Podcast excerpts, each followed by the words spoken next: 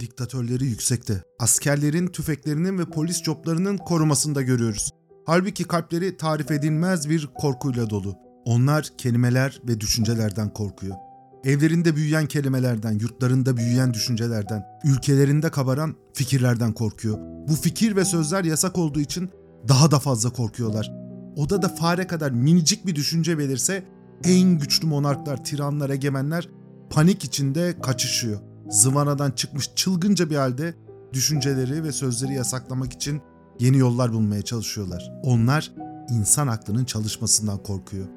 Çok sayıda top ve savaş uçağı üretebilirler ama yüzlerce yıllık tecrübe ve ilerlemeden sonra ayakları yere basan ve yok edilemez bilgiyle korunan insan doğasının işlemesine asla engel olamayacaklar.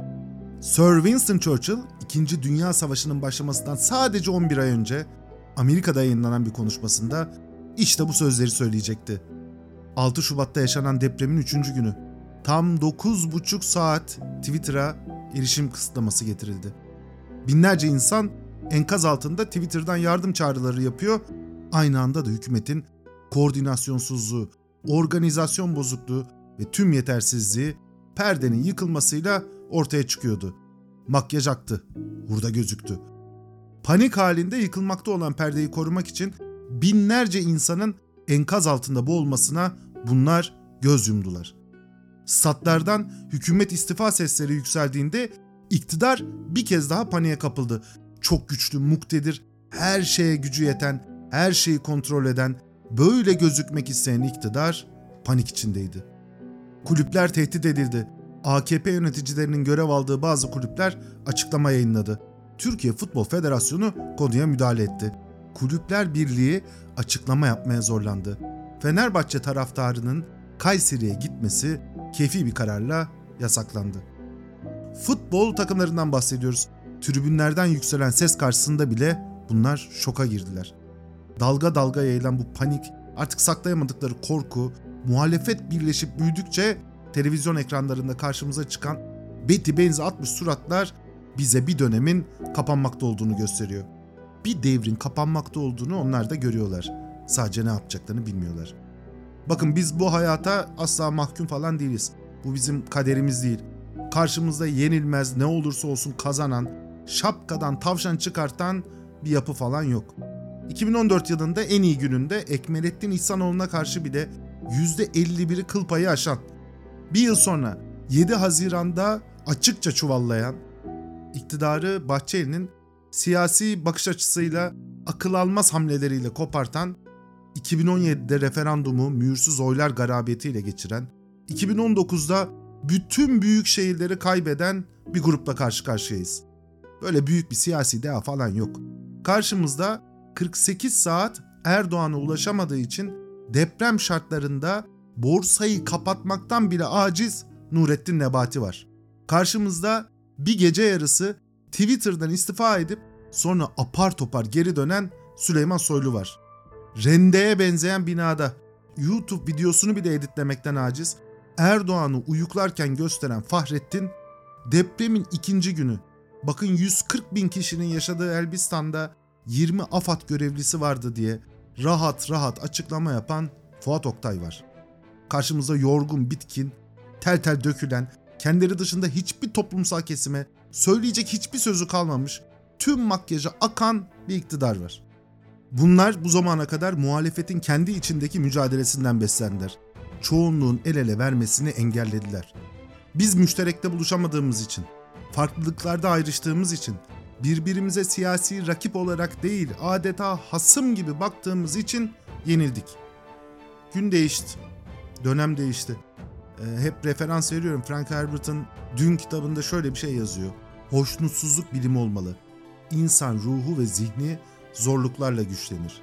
Yani öyle zorluklar yaşadık, öyle şeyleri hep birlikte şahit olduk ki bir beş yıl daha bu felaketi yaşamamak için, bir beş yıl daha kaybedecek zamanımız olmadığı için, bir beş yıl daha bu rezalet sürerse belki binlerce insan hayatını kaybedeceği, sefaletin en çirkin halini yaşayacağımızı gördüğümüz için gerçekten de bizim zorlamamıza, milletin talebiyle neredeyse bütün partiler bir araya geldi. Ama iş bitmiş değil. Önümüzde kurtuluş seçimi var. 42 dakikanın bu bölümünde hep birlikte hepimizin hayatını etkileyecek, hepimizin yaşamına damgasını vuracak, hepimize de görevler yükleyen günleri değerlendireceğiz. Hepiniz hoş geldiniz.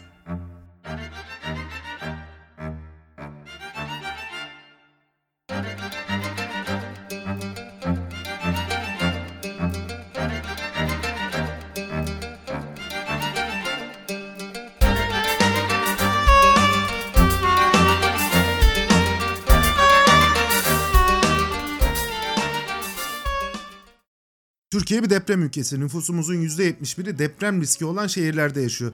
En son bina sayımı da 2000 yılında yapıldı. Yani 23 yıl önce. Bugün bina envanterimiz bile çıkartılmış değil. 2000 yılında yapılan sayında Türkiye genelinde 7 milyon 800 bin bina oldu. Bunların da %38'inin sağlıksız olduğu, yıkılıp yenilenmesi gerektiği tespit edildi. Çevre, Şehircilik ve İklim Değişikliği Bakanlığı tarafından yapılan açıklamalara göre bugün Türkiye'de riskli konut sayısı tam 6.7 milyon. Bakın Dünya Bankası ile Aralık ayında bir toplantı yapıldı. Toplantıda bu riskli yapıların yenilenmesi için gereken kaynağın tam 465 milyar dolar olduğu ifade edildi. Şimdi bakın bu zamana kadar deprem vergisi olarak toplanan para 38 milyar dolar. Bir de saçma sapan faiz sebep enflasyon sonuçtur politikasını finanse etmek için harcanan para var. 128 milyar dolar diyelim. Toplam 166 milyar dolar eder. Bu parayla Türkiye'deki en riskli 1 milyon 800 bin konut yenilenebilirdi. 6 milyon insanımız da sağlıklı, güvenli, nitelikli konutlarda yaşıyor olurdu. Bunu yapmadılar. Peki ne yaptılar? İmar barışı çıkarttılar. Çevre, Şehircilik ve İklim Değişikliği Bakanı Murat Kurum'un açıklamasına göre tam 7 milyon 86 bin bağımsız bölüm yani konut veya iş yerine yapı kayıt belgesi verdiler. Bunlar imar mevzuatına aykırılık taşıyan son derece riskli yapılar. Şimdi milyonlarca insan bu tabutlarda yaşıyor. 1999 depreminden sonra Türkiye Büyük Millet Meclisi bir araştırma komisyonu kurdu. Bunun hazırladığı rapor internette var. Açın bakın. Diyor ki her imar affı depremde yaşanacak felaketin boyutunu arttırır. İmar affı diye bir şey bir daha Türkiye gündemine gelmemeli. Bu rapor devletin arşivinde var. Yani hükümet açıkça, bilerek, isteyerek, sonuçlarını öngörerek bu adım attı. Yasal mevzuat olduğu için soğukkanlılıkla işlenmiş, tahammüden bir cinayettir diyemiyoruz. Ama ahlaken bunun binlerce insanın evine zaman ayarlı bir bomba koymaktan hiçbir farkı yok. Anayasal haklarımızı, can ve mal güvenliğimizi korumakla mükellef hükümet bu adımı atarken tabi bizim de hepimizin eksiği oldu. Haklarımızı yeteri kadar korumadık. Devleti yönetenleri de görevlerini yerine getirmeye çağırmadık. Tarık Zafer Tunaya'nın çok güzel bir hikayesi vardır. Diyor ki Paris'in şirin müzelerinden birinde karnavalda Fransız ihtilaline ilişkin eşyaları ve belgeleri seyrediyordu. Gözlerim salonun bir köşesine özenle yerleştirilmiş küçük bir kitaba takıldı. 1791 Anayasası. Fransa'nın ilk yazılı anayasası. Biraz daha dikkatli bakınca alt satırdaki şu müthiş cümle beni dondurdu. Bu anayasa insan derisiyle kaplanmıştır. Bu küçücük, rengi sararmış kitap karşısında hürriyet savaşlarının derinliğini, uzunluğunu, özgürlük denilen şeyin bedava olmadığını insan bir kere daha anlıyor. Anayasa öyle sağa sola atılacak bir metin değil. Kitabın ortasından söylüyorum. Anayasa siz kul musunuz, köle misiniz? Yoksa hak ve yükümlülük sahibi vatandaş mısınız? İşte bunu belirler. Hakları olmayan, bütün kaderi, bütün geleceği, canı, malı bir adamın iki dudağı arasına sıkışmış insanlar köledir. Bunların onuru yoktur, ahlakı yoktur, şerefi yoktur. Hiçbir şeyi olamaz. Anayasada yazan her hak insan şerefinin, onurunun teminatıdır. O yüzden anayasalar insanların namusuna, şerefine, onuruna emanet edilir. Şerefli ve onurlu insanlar anayasayı yaşatır. Şimdi bizim de bir anayasamız var. O anayasanın da 57. maddesi var. Açın bakın başlığı ne diyor? Konut hakkı. Peki konut hakkı nedir? Aynen şöyle yazıyor. Devlet şehirlerin özelliklerini ve çevre şartlarını gözeten bir planlama çerçevesinde konut ihtiyacını karşılayacak tedbirleri alır, ayrıca toplu konut teşebbüslerini de destekler. Bu ülkede yaşayan herkesin konut hakkı var. devlet plan program çerçevesinde konut ihtiyacını karşılayacak tedbirleri almak zorunda. Bizim nasıl belli ödevlerimiz var, vergi veriyoruz, askere gidiyoruz. Devletin de görevi var kardeşim. O da ödevini yerine getirecek. Nasıl getirecek? Seçtiğimiz hükümet anayasada belirtilen bu emrin gereğini yapacak. Yapmış mı? Yapmamış. 21 yıldır oradan oraya rant aktarma projesi dışında bir halt yapmadılar. Türkiye'de ortalama her yıl bakın 550 bin çift evleniyor. 300 bin kişi de boşanıyor. Yani asgari 800 bin konut üretmemiz lazım. Artı nüfus artışı var. Deprem gerçeği var. Konut piyasasını düzenlemek gerekiyor. Demek ki bizim her yıl en az 1 milyon konut üretmemiz lazım. Üretebilir miyiz? Evet. Şu anda zaten özel sektör yılda 500 bin kadar konut üretiyor. Kaba maliyet hesabından söylüyorum. Türkiye'de ortalama konut, arsa ve inşaat maliyeti dahil 60 bin dolar kadar falan. Yani özel sektörün ürettiğine 1 milyon konut daha eklemek için her yıl 60 milyar dolar paraya ihtiyacımız var. Bunun bir kısmı öz kaynaktan karşılanır, bir kısmı yatırım ve dış tasarruftan bulunur. Türkiye kötü yönetildiği için, risk primi yükseldiği için, uluslararası kuruluşlarla çalışma becerisini kaybettiği için biz bu parayı bulamıyoruz. Çok açık söylüyorum. Çok açık söylüyorum. 5 yılda 5 milyon konut üretmek hayal falan değil.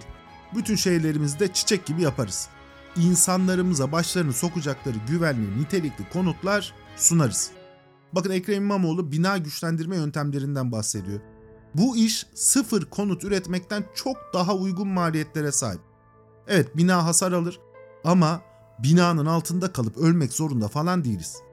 Fakat hayatta kalmak için bizim de bir şey yapmamız lazım. Biz de ayağa kalkacağız. Bakın bir garabetle karşı karşıyayız. Thomas Jefferson diyor ki, eğer hükümet halktan korkuyorsa özgürlük, halk hükümetten korkuyorsa tiranlık vardır.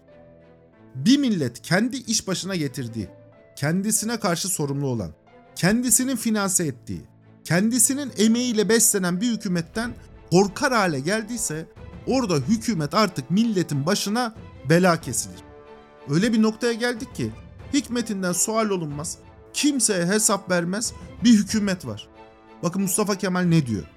Şimdiye kadar milletimizin başına gelen bütün felaketler kendi talih ve geleceklerini başka birisinin eline terk etmesinden kaynaklanmıştır. Bu kadar acı tecrübeler geçiren milletin bundan sonra egemenliğini bir kişiye vermesi kesinlikle mümkün olmayacaktır. 100 yıl sonra aynı dersi, aynı tecrübeyi yaşıyoruz. Bize kendi halkına saygı duyan, halkına hesap veren, kendi halkından korkan, çekinen bir hükümet lazım. Bize deprem bölgesine gittiğinde orada gördüğü insanlara 200 lira 200 lira sıkıştıran değil, kendi halkına saygı duyan, o insanların yaşadığı anlayan ve o yaşadıkları acıyla empati kuran adamlar lazım. Şimdi biz de hayatta kalmak için bunu yapacağız.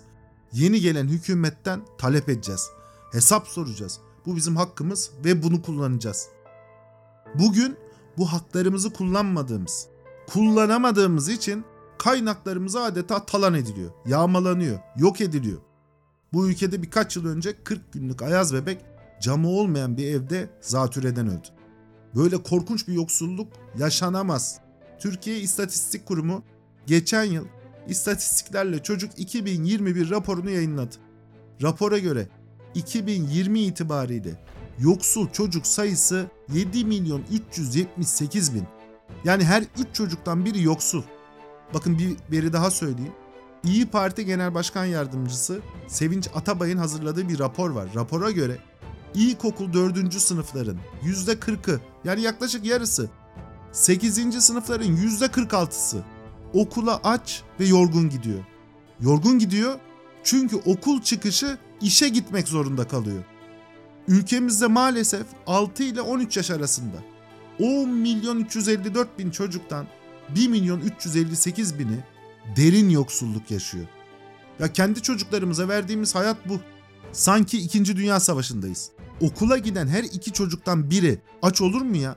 Normal şartlar altında, normal bir ülkede.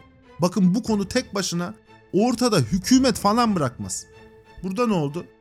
Cumhuriyet Halk Partisi, İyi Parti ve HDP öğrencilere bir öğün ücretsiz sağlıklı yemek verilmesi için Milli Eğitim Bakanlığı bütçesine ek bütçe teklif etti. Bu teklif de AK Partisi ve MHP oylarıyla reddedildi. Yaklaşık her iki çocuktan birinin okula aç gittiği bir ülkede ülkeyi yönetenler çocuklara bir öğün yemek verilmesini bile kabul etmedi. Kişi başına düşen gelirimiz 2007 yılı seviyesinde 9000 küsür dolar civarında dolaşıyor. 2000 yılında Türkiye dünyanın en büyük 17. ekonomisiydi. Bugün ilk 20'de yokuz. 21. sıraya düştük. Sadece resmi rakamlara esas alıyorum yani. Dünyada enflasyon en yüksek olduğu 8. ülkeyiz. Üstümüzde Surinam var, Sudan var, Zimbabwe var. Altımızda Gana var, Sri Lanka var, Haiti var. Türkiye'de enflasyon Nijerya'daki enflasyon oranının iki katından fazla. Her gün yoksullaşıyoruz. Niye? Hikmetinden sual olmaz, hesap vermez. Bir tane adam aklı, bilimi, insanlık tecrübesini şöyle elinin tersiyle bir kenara attı. Efendim faiz sebep enflasyon sonuçtur. Böyle bir garabet çıkarttı. Sonuç Türkiye her gün fakirleşiyor. Ülkenin risk primi yani CDS 514'e çıktı. Yunanistan'ın 92, Meksika'nın 114. Peki bu işin bedelini sarayda oturan beyefendi mi ödüyor? Hayır, biz ödüyoruz. Bu para hepimizin cebinden çıkıyor. Bir ay önce hazine %9.75 faizle 2 milyar 750 milyon dolar borç aldı. Dolara %9.75 faiz vermek tefeci faiziyle borçlanmak demek. Almanya %2.6 ile borçlanıyor. Şimdi aradaki fark ne? Farkı şöyle anlatayım. Aradaki fark işte çocuklarımıza her gün bir öğün yemek vermekle vermemek arasındaki fark. Aradaki fark ne biliyor musunuz? Et bir veri açıkladı. 5 yıl önce bu ülkede kişi başı et tüketimi yılda 14 kilo. Ayda 1 kilo 100 gram ediyor. Bugün yılda 7 kilo. Ayda yarım kilo et ediyor. Pratikte AK Partisi yüzünden bütün Türkiye vejeteryan oldu. Bu ülkenin çocukları, gençleri, anneleri, babaları hepimiz açlıkla, yoksullukla boğazımızdan keserek bu adamların aldığı aptalca kararların bedelini ödüyoruz. Bakın bunlar böyle boş laf rakam falan değil. Bugün Türkiye'de yaklaşık 3 milyon çocuk kronik yetersiz beslenme yaşıyor. 1 milyon çocuk akut yetersiz beslenmeden muzdarip. Dolayısıyla bu hükümet devam ederse bakın hepimizin canı da malı da risk altında. Bu ülkeye giydirilen deri gömleğini el ele yırtmak zorundayız. Ne bu deri gömleği? AK Partisi zihniyet, siyasal İslam, akılla mantıkla bağdaşmayacak, tarihi gerçeklere aykırı bir ideoloji. Buna göre efendim tanzimat bir parantez, Türkiye'nin bütün çağdaşlaşma tarihi bir özden kopuş. Bu adımlar atıldığı için Türkiye geriye düştü, şanlı mazisinden uzaklaştı, kimliğini kaybetti. Bunlar da parantezi kapatıyor, öze dönüş yapıyor. Yeniden şahlanacağız, yedi kıtada at koşturacağız, İslam dünyasıyla ayağa kalkacağız falan filan bir ton saçmalık. Birçok bölümde anlatıyorum. Üçüncü Selim, ikinci Mahmut geri zekalı olduğu için, aptal olduğu için, Batı hayranı veya dinsiz olduğu için çağdaşlaşma hareketini başlatmadı. Bunlar zaten İslam halifesi adamlar. Memleket fakirlikten kırıldığı, yok olmanın eşiğine geldiği için, hayatta kalmak, var olmak için çağdaşlaşma adımları atıldı. Nizamı cedid, yeni düzen demek. Tanzimat ve islahat, düzenleme ve ıslah etme. Rusya'dan biz yaklaşık 100 yıl dayak yedik. Padişah para bulamadığından orduya kendi gümüş kapkacaklarını satıp gönderdi. Binlerce insanımız bu savaşlarda hayatını kaybetti. İkinci Mahmut döneminde düvelli muazzama dedikleri batılı güçler müdahale etmese Kavalalı Mehmet Paşa'nın modern ordusu İstanbul'u gelip alıyor Osmanlı Devleti bitiyordu. Bunların habire adını andı. Gerçekte kim olduğunu da ne yaptığını da bilmediği, dizi karakteri zannettiği Abdülhamit Bakın Meclis-i Mebusan açılış konuşmasında ne diyor? Biraz uzun ama okuyacağım. Büyük pederim Sultan Mahmut Han, devletimizin birkaç asırdan beri uğradığı düşüş ve gerilemenin nedeni olan nizamsızlığı ve Yeniçeri problemini ortadan kaldırıp devlet ve millet varlığını zarara uğratmış olan bozukluk ve karışıklık nedenlerini gidermiş. Ayrıca günümüz Avrupa medeniyetinin, Avrupa medeniyetinin ilk önce ülkemize girebilmesi için bir kapı açmıştır. Babam Abdülmecit Han merhum da bu izde giderek ahalimizin can, mal, ırz ve namusun korunmasına kefil olan Tanzimat Fermanını ilan etmiştir. O günden sonra ülkemizin ticaret ve ziraatı genişlemiş, devletimizin gelirleri az vakitte bir kat daha artmıştır. ihtiyaç duyduğumuz yenilikler için kanun ve nizamlar hazırlanıp ilmin ve fennin de yaygınlaşması sağlanmıştır. Ya biz bir kere değil birçok kez ölümün kıyısına geldik. Birinci Dünya Savaşı bittiğinde memleket işgal edilmişti. Her şey bitmişti. Kurtuluş Savaşı bir direniş, bir reaksiyon, hayatta kalma mücadelesi. Cumhuriyet bizim 200 yıllık yenilmişliğimize, geri kalmışlığımıza, yaşadığımız felaketlere bulduğumuz ilacın adıdır. Büyük bir reaksiyon hareketiyle Cumhuriyet'in karşısında postmodern argümanları da kullanıp ucube bir ideoloji, ucube bir sistem çıkarttılar. Denge denetleme mekanizması yok. Hukuk devleti yok. Bütün kurumlar işleyemez hale gelmiş durumda. Türk Silahlı Kuvvetleri'nin bakın 580 bin mevcudu var. Depremin üstünden 72 saat geçtiğinde sahada sadece 7500 asker vardı. Niye? Bu garabet ideolojiyle Emasya protokollerini kaldırdılar. Efendim Emasya protokolleri yüzünden asker darbe yapıyormuş. Afet anında Türk Silahlı Kuvvetleri'nin kendi başına kışladan çıkmasını engellediler. Vali iznine bağladılar. Depremden sonra en kritik saatlerde Twitter'dan onlarca yüzlerce kişi yalvardı yalvardı. Türk Silahlı Kuvvetlerine talimat verin. Mehmetçik kışladan çıksın, millete yardım etsin dedi. 10 ilde 15 milyon insan yaşıyor. 3500 asker sahada. Mehmetçik görev başında diye saatlerce yazı yazdılar. 3500 bakın 3500. İl başına 350 asker düşüyor.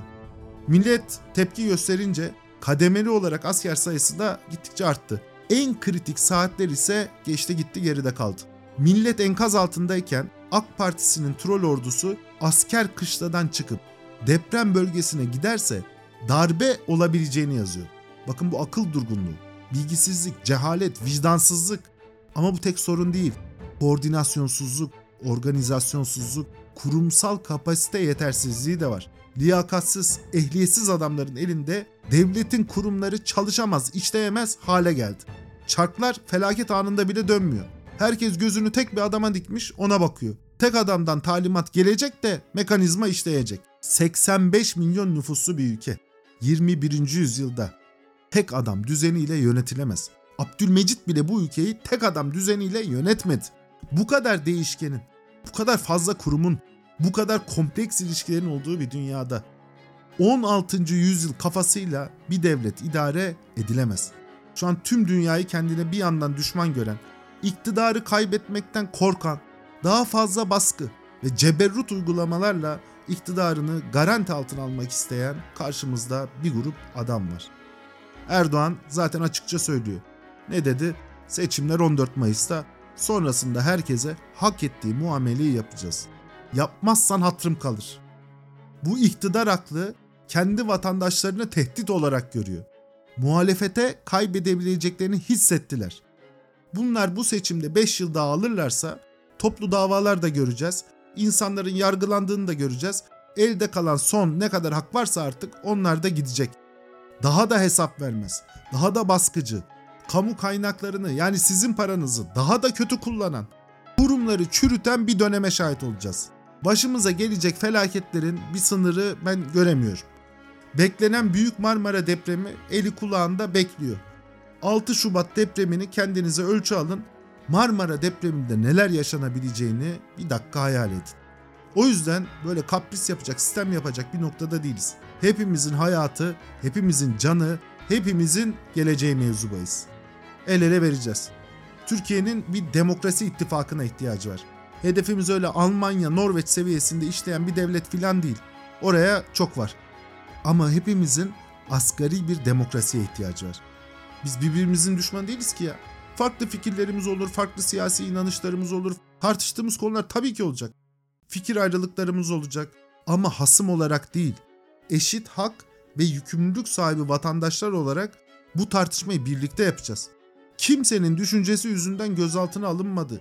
Kimsenin farklı fikirler söylediği için hapse atılmadığı bir Türkiye rüya filan değil. Bu ülkenin insanlarını güvercin tedirginliği içinde yaşamaktan kurtarmak zorundayız. Severiz, sevmeyiz, beğeniriz, beğenmeyiz. Elbette eleştirdiklerimiz, beğenmediğimiz, sevmediğimiz insanlar olacak. 85 milyon insanın aynı şekilde düşünmesi, inanması, yaşaması bu böyle bir şey mümkün mü? Hepimizin farklı kökleri, farklı kültürü, yetiştiği farklı yerler, farklı bir hayat tecrübesi var. Ama farklılıklarımıza asgari saygı gösterip hep beraber yaşayabiliriz. Nefret ettiğimiz insanların bile haksızlığa uğramasına karşı çıkabiliriz. İftirayla, yalanla, siyasi kumpaslarla insanların tutuklanmasını engelleyebiliriz. Bugün Selahattin Demirtaş'ın da Osman Kavala'nın da işledikleri bir suç yüzünden değil, siyasi bir intikam duygusuyla özgürlüğünün gasp edildiğini Cemil cümle alem biliyor. Aynısını daha önce Mustafa Balbay da yaşadı. Kaşif Kozinoğlu da yaşadı. Hanefi Avcı da, Ahmet Şık da. Bakın bir suç işledikleri için filan değil. Türkiye Cumhuriyeti Devleti'ne sokulan, yerleştirilen bir çeteyi ifşa ettikleri için yıllarca hapis yattı. Çünkü bunların zihniyetinde hak yok, hukuk yok, hakikat yok, adalet yok. Bunların zihniyetinde iktidara geleceksin. Her yol mübah. Takiye mübah, elinde güç varsa zorbalık mübah, yalan söylemek mübah, iftira mübah. Çünkü hakka, hukuka, adalete, hakikate hiçbir saygıları yok. Biz bu zihniyetten önce birbirimize karşı ve bütün insanlığa karşı kendimizi ayıracağız. Hakka, hukuka, adalete, anayasaya, hakikate saygı göstereceğiz. Hepimizi tutsak bırakan ve hepimizi bir kurbana dönüştüren bu garip çarkı böyle kırabiliriz. İşte kardeşim anayasa var. Avrupa İnsan Hakları Sözleşmesi var. Kurallar belli. Uygulama kurala uygun olacak. Dünya standartı neyse bu uygulanacak. Uygulamayan da gidecek hesabını verecek. O yüzden bugün her alanda ileri doğru bir adım atmak için önümüzde bir şans var. Kemal Kılıçdaroğlu sadece 6 partinin adayı değil. Önümüzdeki günlerde herhalde HDP'nin, TİP'in ve diğer partilerin de destekleyeceği gözüküyor. Ama tek aday Kılıçdaroğlu da değil. Siz de adaysınız. Her birimiz Erdoğan'a karşı adayız. Masada hepimizin hayatı, hepimizin kaderi, hepimizin geleceği var. Karşı karşıya olduğumuz seçim, şahıslar arasında bir şahıs, adamlar arasında bir adam seçimi değil. Biz kendimize bir gelecek, bir rejim, biz kendimize bir hayat seçeceğiz. Kendiniz için bir oy kullanın. Aileniz için bir oy kullanın. Geleceğiniz için bir oy kullanın. Bütün farklılıkları, bütün ön yargıları şimdilik rica ediyorum bir kenara bırakın. 60 küsür gün kaldı. Hayatınızı kurtarmak için çalışın. Bu iktidar gidip yeni iktidar geldiğinde beğenmezseniz o iktidarın yakasına yapışabilirsiniz. Bu iktidar gidip yeni bir iktidar geldiğinde o iktidarı denetleyebilir, onu sigaya çekebilir, istediğiniz eylemi yapabilirsiniz. Çünkü bu seçim haklarınıza yeniden kavuşma seçimi. Bu seçim bir kez daha vatandaş olma seçimi. Bu seçim kurtuluş seçimi. 5 yıl daha bu adamlara bu ülkeyi Mobutu Sese Seko gibi, Idi Amin gibi yönetsin diye verecek halimiz yok. Onurlu, şerefli insanlar olarak yaşamak için bu rejimi devireceğiz. Ve inanın, inanın kazanacağız. Hem de büyük kazanacağız. Öyle büyük kazanacağız ki bir daha bu ülkede kimse bu ülkeyi böyle pespaye bir şekilde yönetmeye cüret edemeyecek. Bir daha kimse bu ülkenin insanlarına bu muameleyi yapamayacak. Öyle bir tokat atacağız ki bakın emin olun tarihe yazılacak. Efendim bu bölüm beğendiyseniz de paylaşmayı, Instagram'dan ve Twitter'dan Gürman Timuran diye aratarak bir mesaj atmayı ve takip etmeyi lütfen unutmayın. Patreon'dan bana destek olan cefakar ve fedakar patronlarıma da şükranlarımı sunuyor. Bir sonraki bölümde görüşmek üzere. Şimdilik hoşçakalın diyorum.